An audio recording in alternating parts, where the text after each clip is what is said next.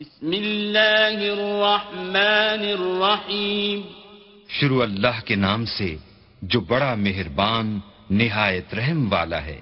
سبحان الذي أسرى بعبده ليلا من المسجد الحرام إلى المسجد الأقصى الذي باركنا حوله لنريه من آياتنا. إنه هو السميع البصير. وہ ذات پاک ہے جو ایک رات اپنے بندے کو مسجد الحرام یعنی خانہ کعبہ سے مسجد اقسا یعنی بیت المقدس تک جس کے گردا گرد ہم نے برکتیں رکھی ہیں، لے گیا تاکہ ہم اسے اپنی قدرت کی نشانیاں دکھائیں۔ بے شک وہ سننے والا اور دیکھنے والا ہے۔ وآتينا موسى الكتاب وجعلناه هدى لبني إسرائيل ألا تتخذوا من دوني وكيلا اور ہم نے موسا کو کتاب عنایت کی تھی اور اس کو بنی اسرائیل کے لیے رہنما مقرر کیا تھا کہ میرے سوا کسی کو کارساز نہ ٹھہرانا۔ ذریت من حملنا مع نوح انہو کان عبدا شکورا اے ان لوگوں کی اولاد جن کو ہم نے نوح کے ساتھ کشتی میں سوار کیا تھا بے شک نوح ہمارے شکر گزار بندے تھے۔ وقضينا إلى بني إسرائيل في الكتاب لتفسدن في الأرض مرتين ولتعلن علوا كبيرا اور ہم نے کتاب میں بنی اسرائیل سے کہہ دیا تھا کہ تم زمین میں دو دفعہ فساد مچاؤ گے۔ اور بڑی سرکشی کرو گے۔ فَإِذَا جَاءَ وَعْدُ أُولَاهُمَا بَعَثْنَا عَلَيْكُمْ عِبَادًا لَنَا أُولِي بَأْسٍ شَدِيدٍ فَجَاسُوا خِلَالَ الدِّيَارِ وَكَانَ وَعْدًا مَفْعُولًا۔ بس جب پہلے وعدے کا وقت آیا تو ہم نے اپنے سخت لڑائی لڑنے والے بندے تم پر مسلط کر دیے اور وہ شہروں کے اندر پھیل گئے اور وہ وعدہ پورا ہو کر رہا۔ ثم رددنا لكم الكرة عليهم وأمددناكم بأموال وبنين وجعلناكم أكثر نفيرا۔ پھر ہم نے دوسری بار تم کو ان پر غلبہ دیا اور مال اور بیٹوں سے تمہاری مدد کی اور تم کو جماعت کثیر بنا دیا۔ ان احسنتم احسنتم لانفسكم وان اسأتم فلها فإذا جاء وعد الآخرة ليسوءوا وجوهكم وليدخلوا المسجد المسجد كما دخلوه أول مرة وليتبروا ما علوا تتبيرا اگر تم نیکوکاری کرو گے تو اپنی جانوں کے لیے کرو گے اور اگر اعمال بد کرو گے تو ان کا وبال بھی تمہاری جانوں پر ہوگا۔ پھر جب دوسرے وعدے کا وقت آیا تو ہم نے پھر اپنے بندے بھیجے۔ تاکہ تمہارے چہروں کو بگاڑ دیں۔ اور جس طرح پہلی دفعہ مسجد بیت المقدس میں داخل ہو گئے تھے، اسی طرح پھر اس میں داخل ہو جائیں۔ اور جس چیز پر غلبہ پائیں، اسے تباہ کر دیں۔ ربكم وَإِنْ عُدْتُمْ عُدْنَا وَجَعَلْنَا جَهَنَّمَ لِلْكَافِرِينَ حَصِيرًا امید ہے کہ تمہارا پروردگار تم پر رحم کرے اور اگر تم پھر وہی حرکتیں کرو گے تو ہم بھی وہی پہلا سلوک کریں گے۔ اور ہم نے جہنم کو کافروں کے لیے قید خانہ بنا رکھا ہے۔ ان هذا القرآن يهدي للتي هي اقوم ويبشر المؤمنين الذين يعملون الصالحات ان لهم اجرا كبيرا۔ یہ قرآن وہ رستہ دکھاتا ہے جو سب سے سیدھا ہے۔ اور مومنوں کو جو نیک عمل کرتے ہیں بشارت دیتا ہے کہ ان کے لیے اجر عظیم ہے۔ وَأَنَّ الَّذِينَ لَا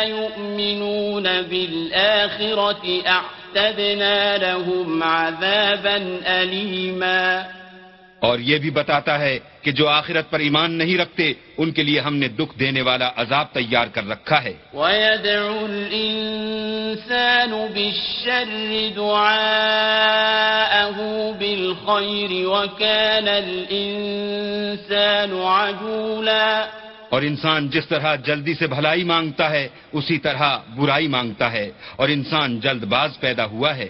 وجعلنا الليل والنهار آيتين فمحونا آية الليل وجعلنا آية النهار مبصرة وجعلنا آية النهار مبصرة لتبتغوا فضلا من ربكم ولتعلموا عدد السنين والحساب وكل شيء فصلناه تفصيلا اور ہم نے دن اور رات کو دو نشانیاں بنایا ہے۔ رات کی نشانی کو تاریخ بنایا اور دن کی نشانی کو روشن، تاکہ تم اپنے پروردگار کا فضل یعنی روزی تلاش کرو اور برسوں کا شمار اور حساب جانو اور ہم نے ہر چیز کی بخوبی تفصیل کر دی ہے۔ وَكُلَّ إِنسَانٍ أَلْزَمْنَاهُ طَائِرَهُ فِي عُنُقِهِ وَنُخْرِجُ لَهُ يَوْمَ الْقِيَامَةِ كِتَابًا يَلْقَاهُ مَنْشُورًا۔ اور ہم نے ہر انسان کے اعمال کو بصورت کتاب اس کے گلے میں لٹکا دیا ہے اور قیامت کے روز وہ کتاب اسے نکال دکھائیں گے جسے وہ کھلا ہوا دیکھے گا۔ اقرأ كتابك كفى بنفسك اليوم عليك حسيبا۔ کہا جائے گا کہ اپنی کتاب پڑھ لے تو آج اپنا آپ ہی محاسب کافی ہے۔ من اهتدى فإنما يهتدي لنفسه ومن ضل فإنما يضل عليها ولا تزر وازرة وزر أخرى وما كنا معذبين حتى نبعث رسولاً جو شخص ہدایت اختیار کرتا ہے تو اپنے لیے اختیار کرتا ہے اور جو گمراہ ہوتا ہے تو گمراہی کا ضرر بھی اسی کو ہوگا۔ اور کوئی شخص کسی دوسرے کا بوجھ نہیں اٹھائے گا اور جب تک ہم پیغمبر نہ بھیج لیں عذاب نہیں دیا کرتے۔ وَإِذَا أَرَدْنَا أَن نُهْلِكَ قَرْيَةً أَمَرْنَا مُتْرَ فِيهَا فَفَسَقُوا فِيهَا فَحَقَّ عليها القول فدمرناها تدميرا۔ اور جب ہمارا ارادہ کسی بستی کے ہلاک کرنے کا ہوا تو وہاں کے آسودہ لوگوں کو فوائش پر معمور کر دیا تو وہ نافرمانیاں کرتے رہے۔ پھر اس پر عذاب کا حکم ثابت ہو گیا اور ہم نے اسے ہلاک کر ڈالا۔ وَكَمْ أَهْلَكْنَا مِنَ الْقُرُونِ مِن بَعْدِ نُوحٍ وكفى بربك بذنوب عباده خبيرا بصيرا۔ اور ہم نے نوح کے بعد بہت سی امتوں کو ہلاک کر ڈالا۔ اور تمہارا پروردگار اپنے بندوں کے گناہوں کو جاننے اور دیکھنے والا کافی ہے۔ من كان يريد العاجلة عجلنا له فيها ما نشاء لمن نريد ثم جعلنا له جهنم يصلاها مذموما مدحورا۔ جو شخص دنیا کی آسودگی کا خواہش مند ہو تو ہم اس میں سے جسے چاہتے ہیں اور جتنا چاہتے ہیں جلد دے دیتے ہیں۔ پھر اس کے لیے جہنم کو ٹھکانہ مقرر کر رکھا ہے، جس میں وہ نفرین سن کر اور درگاہ خدا سے راندہ ہو کر داخل ہوگا۔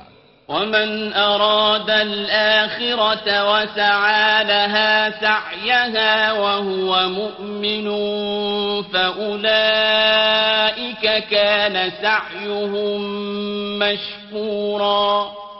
اور جو شخص آخرت کا خاص گار ہو اور اس میں اتنی کوشش کرے جتنی اسے لائق ہے اور وہ مومن بھی ہو تو ایسے ہی لوگوں کی کوشش ٹھکانے لگتی ہے۔ كلا نمد هؤلاء وهؤلاء من عطاء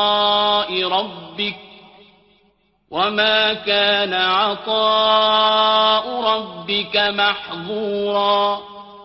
ہم ان کو اور ان کو سب کو تمہارے پروردگار کی بخشش سے مدد دیتے ہیں اور تمہارے پروردگار کی بخشش کسی سے رکی ہوئی نہیں۔ انظر كيف فضلنا بعضهم على بعض. وللآخرة أكبر درجات وأكبر تفضل دیکھو ہم نے کس طرح بعض کو بعض پر فضیلت بخشی ہے اور آخرت درجوں میں دنیا سے بہت برتر اور برتری میں کہیں بڑھ کر ہے۔ لا تجعل مع الله إلها آخر فتقعد مذموما مخذولا۔ اور اللہ کے ساتھ کوئی اور معبود نہ بنانا۔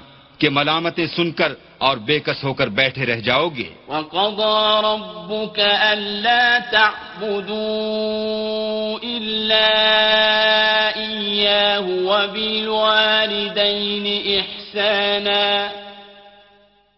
إِنَّ إما يبلغن عندك الكبر أحدهما أو كلاهما فلا تقل لهما أف ولا تنهرهما فلا تقل لهما أف ولا تنهرهما وقل لهما قولا كريما اور تمہارے پروردگار نے ارشاد فرمایا ہے کہ اس کے سوا کسی کی عبادت نہ کرو اور ماں باپ کے ساتھ بھلائی کرتے رہو۔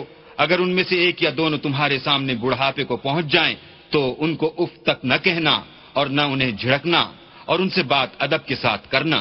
واخفض لهما جناح الذل من الرحمة وقل رب ارحمهما كما ربياني صغيرا اور عجز و نیاز سے ان کے آگے جھکے رہو اور ان کے حق میں دعا کرو کہ اے پروردگار جیسا انہوں نے مجھے بچپن میں شفقت سے پرورش کیا ہے تو بھی ان کے حال پر رحمت فرما۔ ربكم أعلم بما في نفوسكم إن تكونوا صالحين فإنه كان للأوابين غفورا. جو کچھ تمہارے دلوں میں ہے تمہارا پروردگار اس سے بخوبی واقف ہے۔ اگر تم نیک ہوگے تو وہ رجوع لانے والوں کو بخش دینے والا ہے۔ وآت ذا القربى حقه والمسكين وابن السبيل ولا تبذر تبذيرا. اور رشتہ داروں اور محتاجوں اور مسافروں کو ان کا حق ادا کرو اور فضول خرچی سے مال نہ اڑاؤ۔ إن المبذرين كانوا إخوان الشياطين وكان الشيطان لربه كفورا۔ کہ فضول خرچی کرنے والے تو شیطان کے بھائی ہیں۔ اور شیطان اپنے پروردگار کی نعمتوں کا کفران کرنے والا یعنی ناشکرا ہے۔ وَإِمَّا تُعْرِضَنَّ عَنْهُمُ ابْتِغَاءَ رَحْمَةٍ مِّن رَّبِّكَ تَرْجُوهَا فَقُل لَّهُمْ قَوْلًا مَّيْسُورًا۔ اگر تم اپنے پروردگار کی رحمت یعنی فراخ دستی کے انتظار میں جس کی تمہیں امید ہو ان مستحقین کی طرف توجہ نہ کر سکو تو ان سے نرمی سے بات کہہ دیا کرو۔ ولا تجعل يدك مغلولة إلى عنقك ولا تبسطها كل البسط فتقعد ملوما محسورا اور اپنے ہاتھ کو نہ تو گردن سے بندھا ہوا یعنی بہت تنگ کر لو کہ کسی کو کچھ دو ہی نہیں اور نہ بالکل کھول ہی دو۔ کہ سبھی کچھ دے ڈالو اور انجام یہ ہو کہ ملامت زدہ اور درماندہ ہو کر بیٹھ جاؤ۔ إن ربك يبسط الرزق لمن يشاء ويقدر إنه كان بعباده خبيرا بصيرا بے شک تمہارا پروردگار جس کی روزی چاہتا ہے فراخ کر دیتا ہے اور جس کی روزی چاہتا ہے تنگ کر دیتا ہے۔ وہ اپنے بندوں سے خبردار ہے اور ان کو دیکھ رہا ہے۔ ولا تقتلوا أولادكم خشية إملاق نحن نرزقهم وإياكم إن قتلهم كان خطأ كبيرا۔ اور اپنی اولاد کو مفلسی کے خوف سے قتل نہ کرنا کیونکہ ان کو اور تم کو ہم ہی رزق دیتے ہیں۔ کچھ شک نہیں کہ ان کا مار ڈالنا بڑا سخت گناہ ہے۔ ولا تقربوا الزنا إنه كان فاحشة وساء سبيلا۔ اور زنا کے بھی پاس نہ جانا کہ وہ بے حیائی اور بری راہ ہے۔ ولا تقتلوا النفس التي حرم الله إلا بالحق۔ ومن قتل مظلوما فقد جعلنا لوليه سلطانا فلا يسرف في القتل فقد جعلنا لوليه سلطانا فلا يسرف في القتل إنه كان منصورا اور جس جاندار کا مارنا اللہ نے حرام کیا ہے، اسے قتل نہ کرنا، مگر جائز طور پر یعنی بفتو شریعت، اور جو شخص ظلم سے قتل کیا جائے، ہم نے اس کے وارث کو اختیار دیا ہے کہ ظالم قاتل سے بدلہ لے۔ تو اس کو چاہیے کہ قتل کے قصاص میں زیادتی نہ کرے کہ وہ منصور و فتح یاب ہے۔ ولا تقربوا مال اليتيم إلا بالتي هي أحسن حتى يبلغ أشده وأوفوا بالعهد إن العهد كان مسئولا اور یتیم کے مال کے پاس بھی نہ پھٹکنا، مگر ایسے طریق سے کہ بہت بہتر ہو، یہاں تک کہ وہ جوانی کو پہنچ جائے اور عہد کو پورا کرو کہ عہد کے بارے میں ضرور پرسش ہوگی۔ وأوفوا الكيل إذا كلتم وزنوا بالقسطاس المستقيم ذلك خير وأحسن تأويلا اور جب کوئی چیز معاف کر دینے لگو تو پیمانہ پورا بھرا کرو اور جب تول کر دو تو ترازو سیدھی رکھ کر تولا کرو۔ یہ بہت اچھی بات اور انجام کے لحاظ سے بھی بہت بہتر ہے۔ ولا تقف ما ليس لك به علم إن السمع والبصر والفؤاد كل أولئك كان عنه مسؤولا اور اے بندے جس چیز کا تجھے علم نہیں اس کے پیچھے نہ پڑ کہ کان اور آنکھ اور دل ان سب جوارے سے ضرور باز پرس ہوگی۔ ولا تمش في الأرض مرحا إنك لن تخرق الأرض ولن تبلغ الجبال طولا اور زمین پر اکڑ کر اور تن کر مت چل کہ تو زمین کو پھاڑ تو نہیں ڈالے گا اور نہ لمبا ہو کر پہاڑوں کی چوٹی تک پہنچ جائے گا۔ كل ذلك كان سيئه عند ربك مكروها ان سب عادتوں کی برائی تیرے پروردگار کے نزدیک بہت ناپسند ہے۔ ذلك مما أوحى إليك ربك من الحكمة ولا تجعل مع الله إلها آخر فتلقى في جهنم ملوما مدحورا۔ اے پیغمبر یہ ان ہدایتوں میں سے ہیں جو اللہ نے دانائی کی باتیں تمہاری طرف وہی کی ہیں۔ اور اللہ کے ساتھ کوئی اور معبود نہ بنانا کہ ایسا کرنے سے ملامت زدہ اور درگاہ خدا سے راندہ بنا کر جہنم میں ڈال دیے جاؤ گے۔ أفأصفاكم ربكم بالبنين واتخذ من الملائكة إناثا إنكم لتقولون قولا عظيما. مشرکو کیا تمہارے پروردگار نے تم کو تو لڑکے دیے اور خود فرشتوں کو بیٹیاں بنایا؟ کچھ شک نہیں کہ یہ تم بڑی نامعقول بات کہتے ہو۔ ولقد صرفنا في هذا القرآن ليذكروا وما يزيدهم إلا نفورا. اور ہم نے اس قرآن میں طرح طرح کی باتیں بیان کی ہیں تاکہ لوگ نصیحت پکڑیں مگر وہ اس سے اور بدک جاتے ہیں۔ قل لو كان معه آلهة كما يقولون إذا لابتغوا إلى ذي العرش سبيلا۔ کہہ دو کہ اگر اللہ کے ساتھ اور معبود ہوتے جیسا کہ یہ کہتے ہیں تو وہ ضرور خدا مالک عرش کی طرف لڑنے بھڑنے کے لیے رستہ نکالتے۔ سبحانه وتعالى عما يقولون علوا كبيرا. وہ پاک ہے اور جو کچھ یہ بکواس کرتے ہیں اس سے اس کا رتبہ بہت عالی ہے۔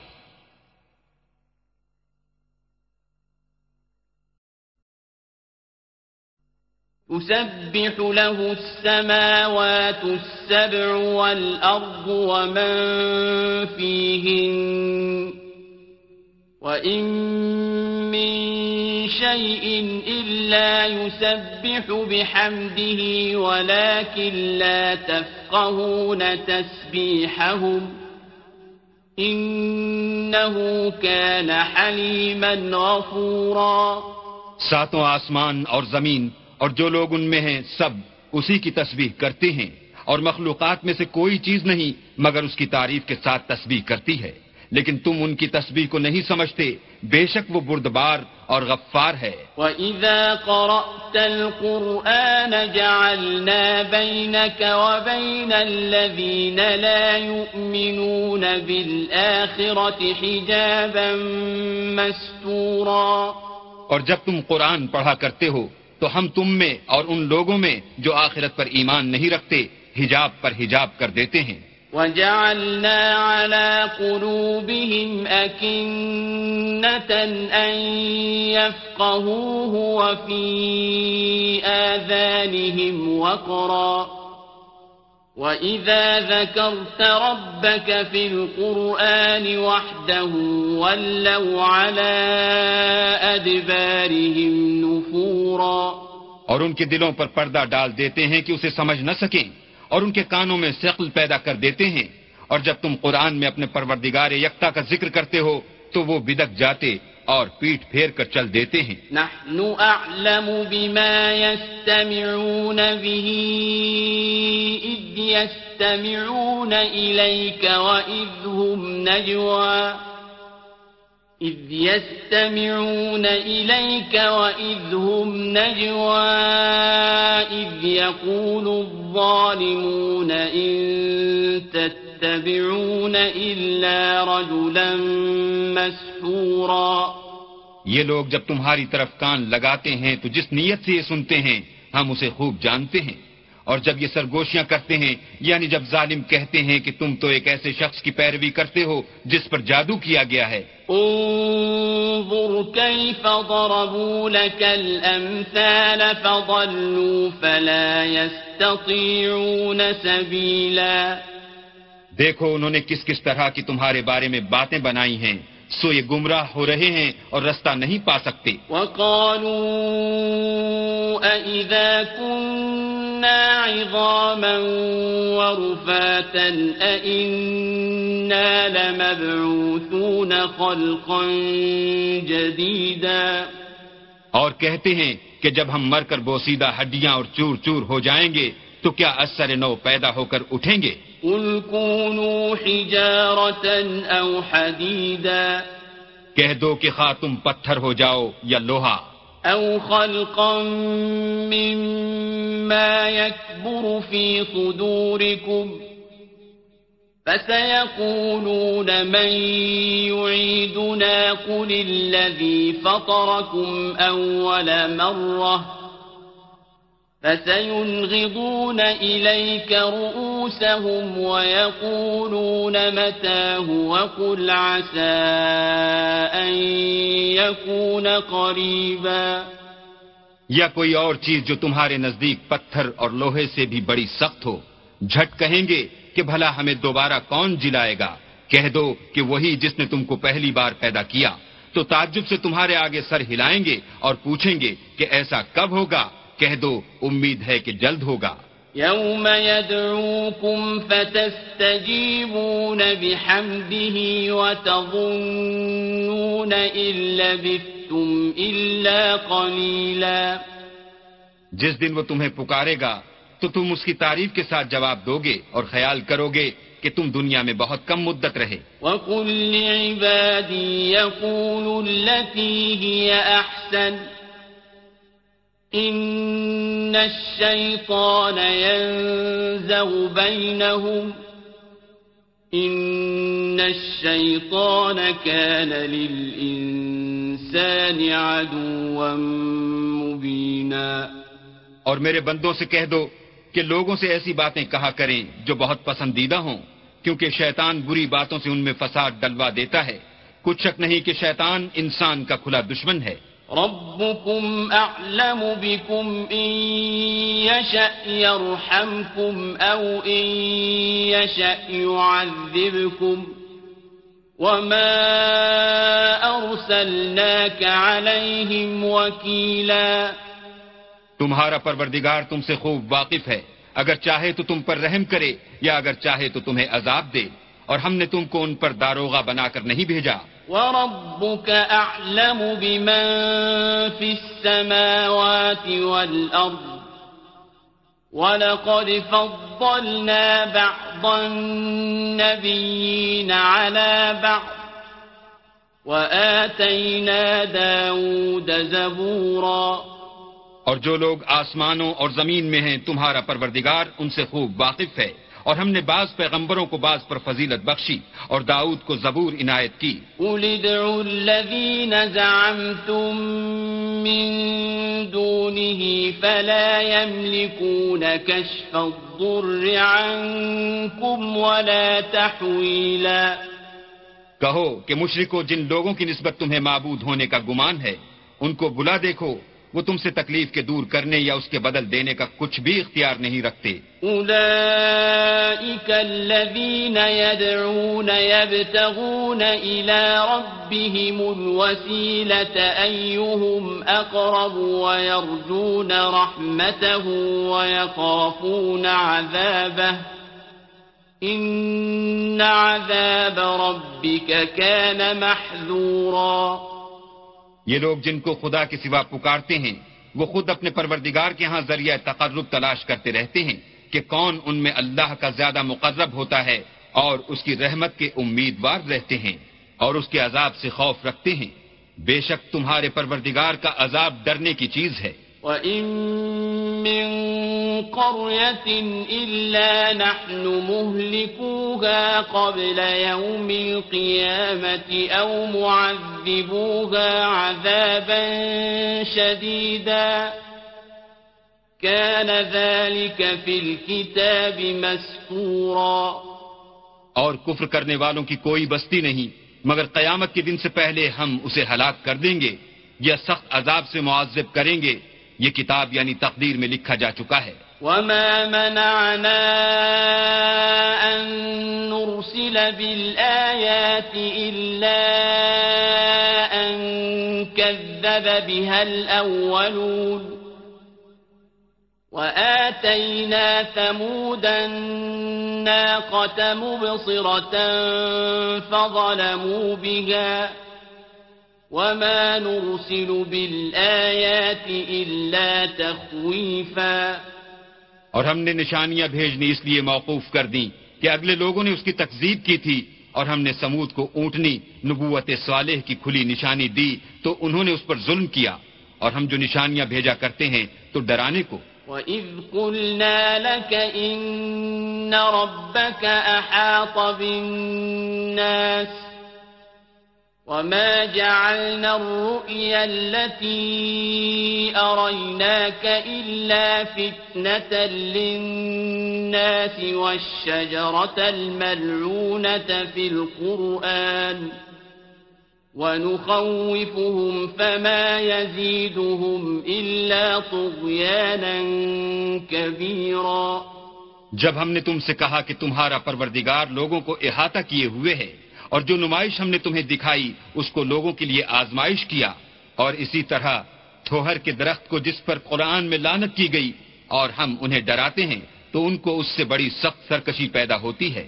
وَإِذْ قُلْنَا لِلْمَلَائِكَةِ الملائكة اسجدوا لآدم فسجدوا إلا إبليس قال أأسجد لمن خلقت طينا اور جب ہم نے فرشتوں سے کہا کہ آدم کو سجدہ کرو، تو سب نے سجدہ کیا، مگر ابلیس نے نہ کیا۔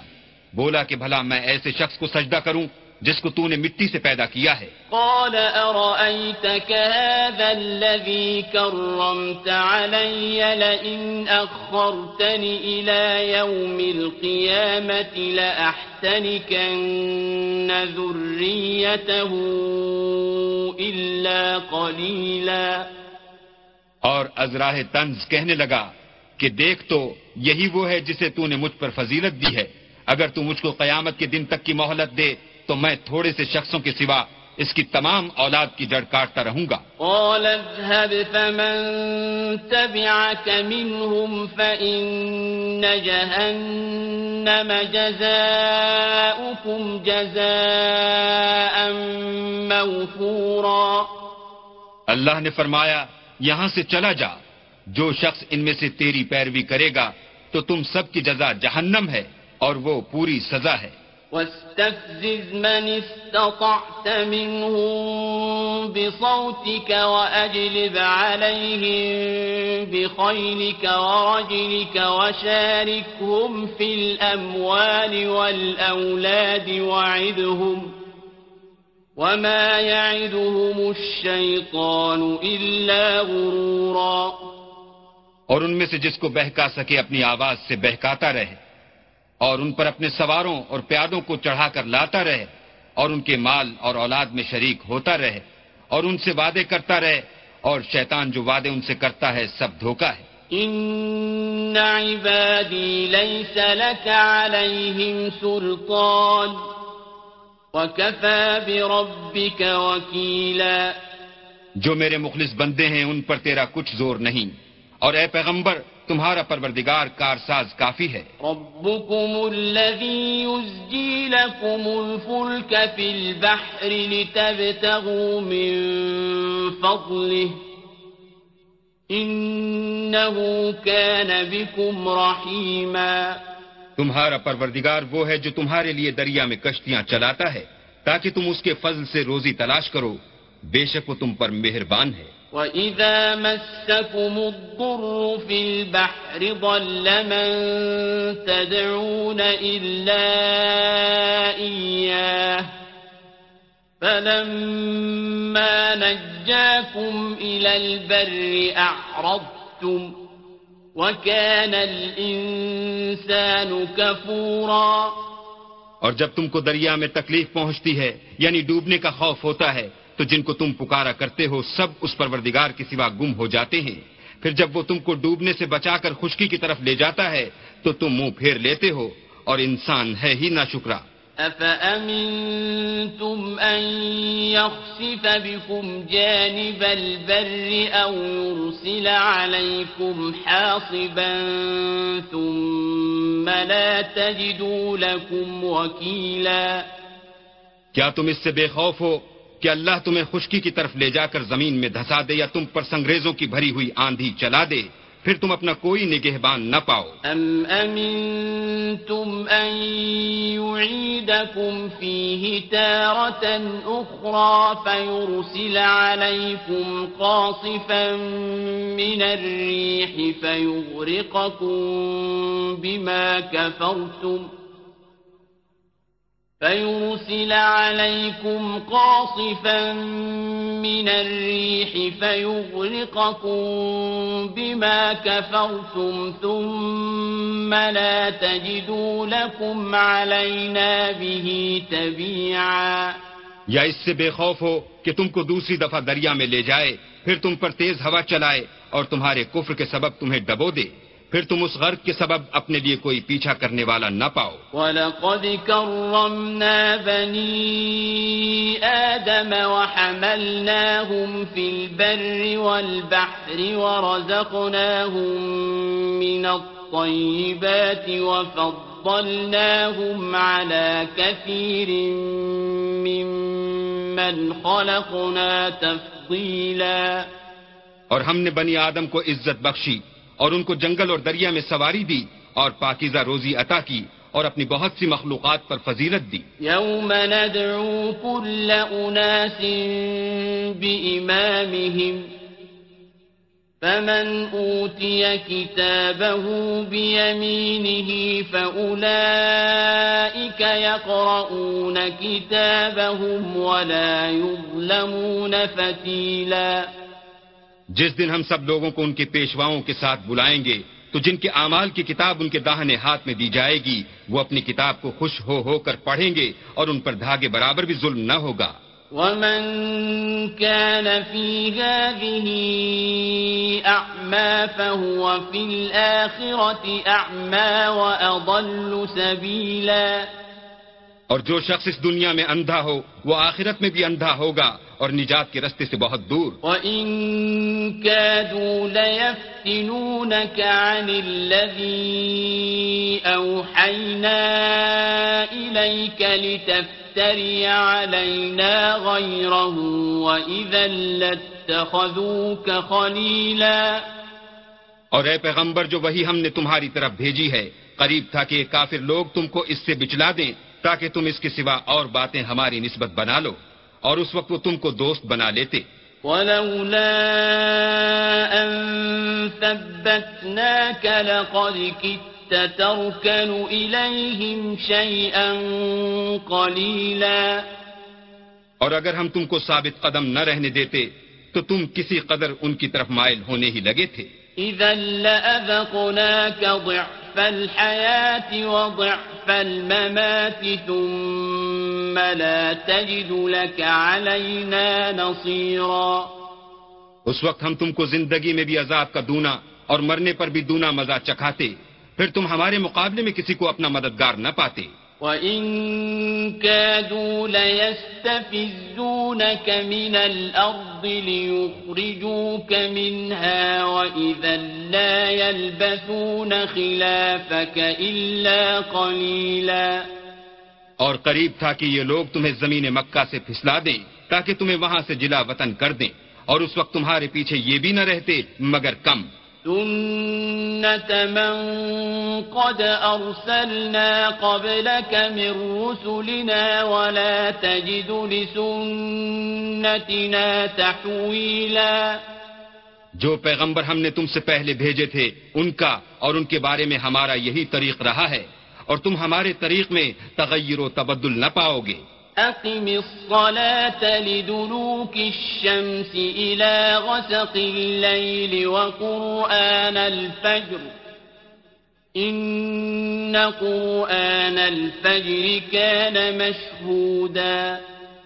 اے محمد صلی اللہ علیہ وآلہ وسلم، سورج کے ڈھلنے سے رات کے اندھیرے تک ظہر، عصر، مغرب، عشاء کی نمازیں اور صبح کو قرآن پڑھا کرو۔ کیونکہ صبح کے وقت قرآن کا پڑھنا موجب حضور ملائکہ ہے۔ ومن الليل فتهجد به نافلة لك عسى أن يبعثك ربك مقاما محمودا۔ اور بعض حصہ شب میں بیدار ہوا کرو اور تحجد کی نماز پڑھا کرو یہ شب خیزی تمہارے لیے سبب زیادت ہے۔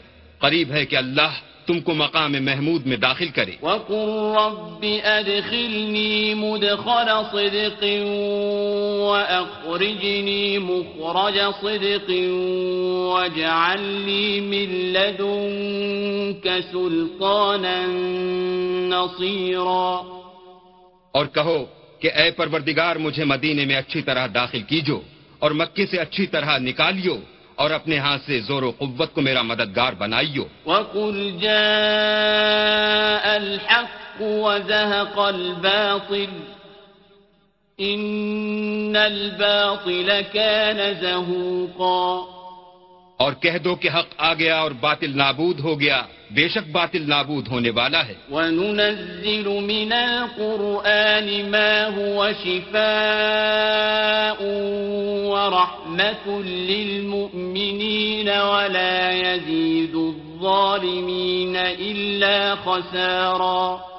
اور ہم قرآن کے ذریعے سے وہ چیز نازل کرتے ہیں جو مومنوں کے لیے شفا اور رحمت ہے اور ظالموں کے حق میں تو اس سے نقصان ہی بڑھتا ہے۔ وإذا أنعمنا على الإنسان أعرض ونآ بجانبه وإذا مسه الشر كان يئوسا اور جب ہم انسان کو نعمت بخشتے ہیں تو روح گردہ ہو جاتا اور پہلو پھیر لیتا ہے۔ اور جب اسے سختی پہنچتی ہے تو نا امید ہو جاتا ہے۔ قل كل يعمل على شاكلته فربكم أعلم بمن هو أهدى سبيلا کہہ دو کہ ہر شخص اپنے طریق کے مطابق عمل کرتا ہے۔ سو تمہارا پروردگار اس شخص سے خوب واقف ہے جو سب سے زیادہ سیدھے رستے پر ہے۔ وَيَسْأَلُونَكَ عَنِ الرُّوحِ قُلِ الرُّوحُ مِنْ أَمْرِ رَبِّي وَمَا أُوتِيتُم مِّنَ الْعِلْمِ إِلَّا قَلِيلًا۔ اور تم سے روح کے بارے میں سوال کرتے ہیں کہہ دو کہ وہ میرے پروردگار کی ایک شان ہے اور تم لوگوں کو بہت ہی کم علم دیا گیا ہے۔ وَلَئِن شِئْنَا لَنَذْهَبَنَّ بِالَّذِي أَوْحَيْنَا إِلَيْكَ ثُمَّ لَا تَجِدُ لَكَ بِهِ عَلَيْنَا وَكِيلًا۔ اور اگر ہم چاہیں تو جو کتاب ہم تمہاری طرف بھیجتے ہیں اسے دلوں سے محو کر دیں پھر تم اس کے لیے ہمارے مقابلے میں کسی کو مددگار نہ پاؤ۔ إِلَّا رَحْمَةً مِّن رَّبِّكَ إِنَّ فَضْلَهُ كَانَ عَلَيْكَ كَبِيرًا مگر اس کا قائم رہنا تمہارے پروردگار کی رحمت ہے۔ کچھ شک نہیں کہ تم پر اس کا بڑا فضل ہے۔ قُل لَّئِنِ اجْتَمَعَتِ الْإِنسُ وَالْجِنُّ عَلَىٰ أَن يَأْتُوا بِمِثْلِ هَٰذَا الْقُرْآنِ لَا يَأْتُونَ يأتون بمثله ولو كان بعضهم لبعض ظهيرا۔ کہہ دو کہ اگر انسان اور جن اس بات پر مجتمع ہوں کہ اس قرآن جیسا بنا لائیں، تو اس جیسا نہ لا سکیں گے، اگرچہ وہ ایک دوسرے کے مددگار ہوں۔ وَلَقَدْ صَرَّفْنَا لِلنَّاسِ فِي هَذَا الْقُرْآنِ مِنْ كُلِّ مَثَلٍ فَأَبَى أَكْثَرُ النَّاسِ إِلَّا كُفُورًا اور ہم نے قرآن میں سب باتیں طرح طرح سے بیان کر دی ہیں مگر اکثر لوگوں نے انکار کرنے کے سوا قبول نہ کیا۔ وقالوا لن نؤمن لك حتى تفجر لنا من الارض ينبوعا۔ اور کہنے لگے کہ ہم تم پر ایمان نہیں لائیں گے جب تک کہ عجیب و غریب باتیں نہ دکھاؤ یعنی یا تو ہمارے لیے زمین سے چشمہ جاری کر دو أو تكون لك جنة من نخيل وعنب فتفجر الأنهار خلالها تفجيرا یا تمہارا کھجوروں اور انگوروں کا کوئی باغ ہو اور اس کے بیچ میں نہریں بہا نکالو۔ أو تسقط السماء كما زعمت علينا كسفا أو تأتي بالله والملائكة قبيلا. یا جیسا تم کہا کرتے ہو، ہم پر آسمان کے ٹکڑے لا گراؤ، یا اللہ اور فرشتوں کو ہمارے سامنے لے آؤ۔ أو يكون لك بيت من زخرف أو ترقى في السماء ولن نؤمن لرقيك حتى تنزل علينا كتابا نقرأه قل سبحان ربي هل كنت إلا بشرا رسولا یا تمہارا سونے کا گھر ہو یا تم آسمان پر چڑھ جاؤ اور ہم تمہارے چڑھنے کو بھی نہیں مانیں گے جب تک کہ کوئی کتاب نہ لاؤ، جسے ہم پڑھ بھی لیں۔ کہہ دو کہ میرا پروردگار پاک ہے، میں تو صرف ایک پیغام پہنچانے والا انسان ہوں۔ وما منع الناس أن يؤمنوا إذ جاءهم الهدى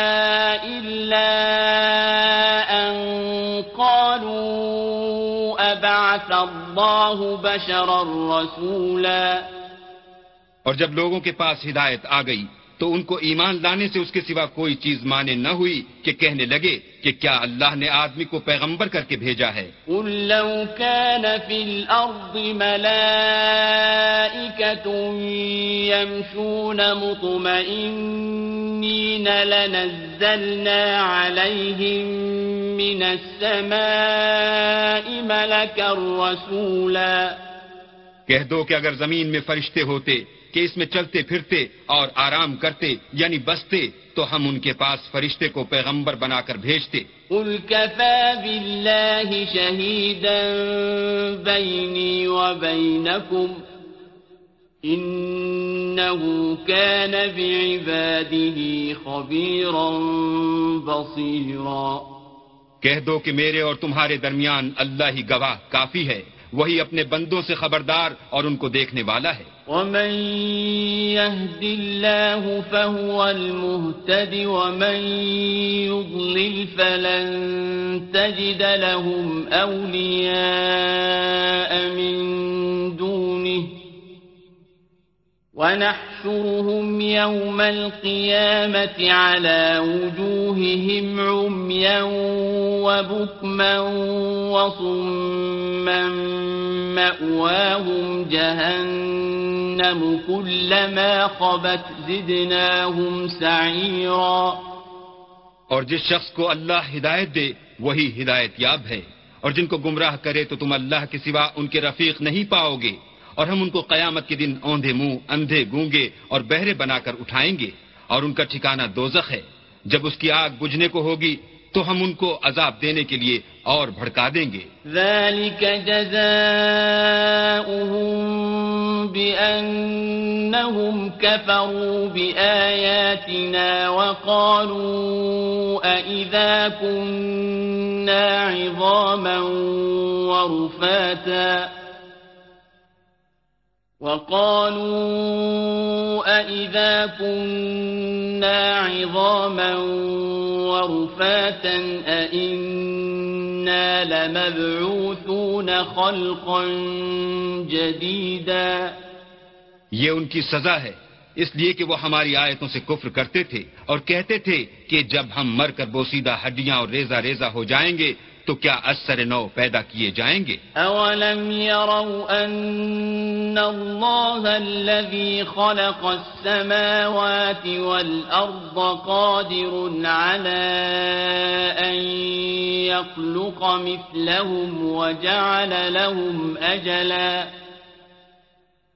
وجعل لهم أجلا لا ريب فيه فأبى الظالمون إلا كفورا کیا انہوں نے نہیں دیکھا کہ اللہ جس نے آسمانوں اور زمین کو پیدا کیا ہے، اس بات پر قادر ہے کہ ان جیسے لوگ پیدا کر دے اور اس نے ان کے لیے ایک وقت مقرر کر دیا ہے جس میں کچھ بھی شک نہیں۔ تو ظالموں نے انکار کرنے کے سوا اسے قبول نہ کیا قل لو أنتم تملكون خزائن رحمة ربي إذا لأمسكتم خشية الإنفاق وكان الإنسان قتورا کہہ دو کہ اگر میرے پروردگار کی رحمت کے خزانے تمہارے ہاتھ میں ہوتے، تو تم خرچ ہو جانے کے خوف سے ان کو بند کر رکھتے۔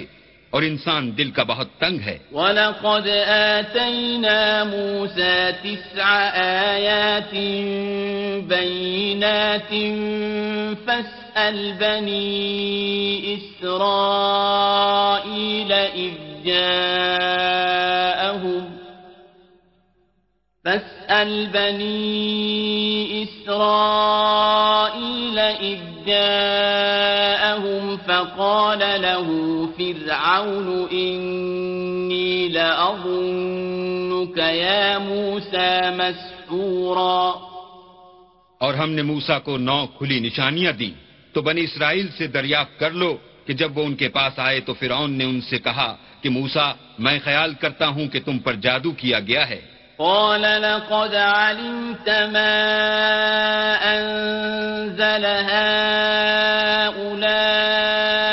إلا رب السماوات والأرض بصائر وإني لأظنك يا فرعون مثبورا. انہوں نے کہا کہ تم یہ جانتے ہو کہ آسمانوں اور زمین کے پروردگار کے سوا اس کو کسی نے نازل نہیں کیا۔ اور وہ بھی تم لوگوں کے سمجھانے کو اور اے فرعون میں خیال کرتا ہوں کہ تم ہلاک ہو جاؤ گے۔ فأراد أن يستفزهم من الأرض فأغرقناه ومن معه جميعا۔ تو اس نے چاہا کہ ان کو سرزمین مصر سے نکال دے۔ تو ہم نے اس کو اور جو اس کے ساتھ تھے سب کو ڈبو دیا۔ وقلنا من بعده لبني إسرائيل اسكنوا الأرض فإذا جاء وعد الآخرة جئنا بكم لفيفا۔ اور اس کے بعد بنی اسرائیل سے کہا کہ تم اس ملک میں رہو سہو پھر جب آخرت کا وعدہ آ جائے گا تو ہم تم سب کو جمع کر کے لے آئیں گے۔ وبالحق أنزلناه وبالحق نزل۔ وما أرسلناك إلا مبشرا ونذيرا۔ اور ہم نے اس قرآن کو سچائی کے ساتھ نازل کیا ہے اور وہ سچائی کے ساتھ نازل ہوا۔ اور اے محمد صلی اللہ علیہ وآلہ وسلم ہم نے تم کو صرف خوشخبری دینے والا اور ڈر سنانے والا بنا کر بھیجا ہے۔ وقرآنا فرقناه لتقرأه على الناس على مكف ونزلناه تنزيلا۔ اور ہم نے قرآن کو جز جز کر کے نازل کیا ہے تاکہ تم لوگوں کو ٹھہر ٹھہر کر پڑھ کر سناؤ۔ اور ہم نے اس کو آہستہ آہستہ اتارا ہے۔ قل آمنوا به أو لا تؤمنوا إن الذين أوتوا العلم من قبله إذا يتلى عليهم يخرون للأذقان سجدا۔ کہہ دو کہ تم اس پر ایمان لاؤ یا نہ لاؤ یہ فی نفسی ہی حق ہے۔ جن لوگوں کو اس سے پہلے علم کتاب دیا گیا ہے جب وہ ان کو پڑھ کر سنایا جاتا ہے تو وہ تھوڑیوں کے بل سجدے میں گر پڑتے ہیں۔ ويقولون سبحان ربنا إن كان وعد ربنا لمفعولا۔ اور کہتے ہیں کہ ہمارا پروردگار پاک ہے بے شک ہمارے پروردگار کا وعدہ پورا ہو کر رہا۔ ويخرون للأذقان يبكون ويزيدهم خشوعا اور وہ تھوڑیوں کے بل گر پڑتے ہیں اور روتے جاتے ہیں اور اس سے ان کو اور زیادہ آجزی پیدا ہوتی ہے۔ قل ادعوا الله أو ادعوا الرحمن أيما تدعوا فله الأسماء الحسنى ولا تجهر بصلاتك ولا تخافت بها وابتغ بين ذلك سبيلا کہہ دو کہ تم اللہ کو اللہ کے نام سے پکارو یا رحمان کے نام سے، جس نام سے پکارو، اس کے سب نام اچھے ہیں، اور نماز نہ بلند آواز سے پڑھو اور نہ آہستہ بلکہ اس کے بیچ کا طریقہ اختیار کرو۔ وقل الحمد لله الذي لم يتخذ ولدا ولم يكن له شريك في الملك ولم يكن له شريك في الملك ولم يكن له ولي من الذل وكبره تكبيرا اور کہو کہ سب تعریف اللہ ہی کی ہے، جس نے نہ تو کسی کو بیٹا بنایا ہے اور نہ اس کی بادشاہت ہی میں کوئی شریک ہے اور نہ اس وجہ سے کہ وہ آجز و ناتوان ہے، کوئی اس کا مددگار ہے اور اس کو بڑا جان کر اس کی بڑائی کرتے رہو۔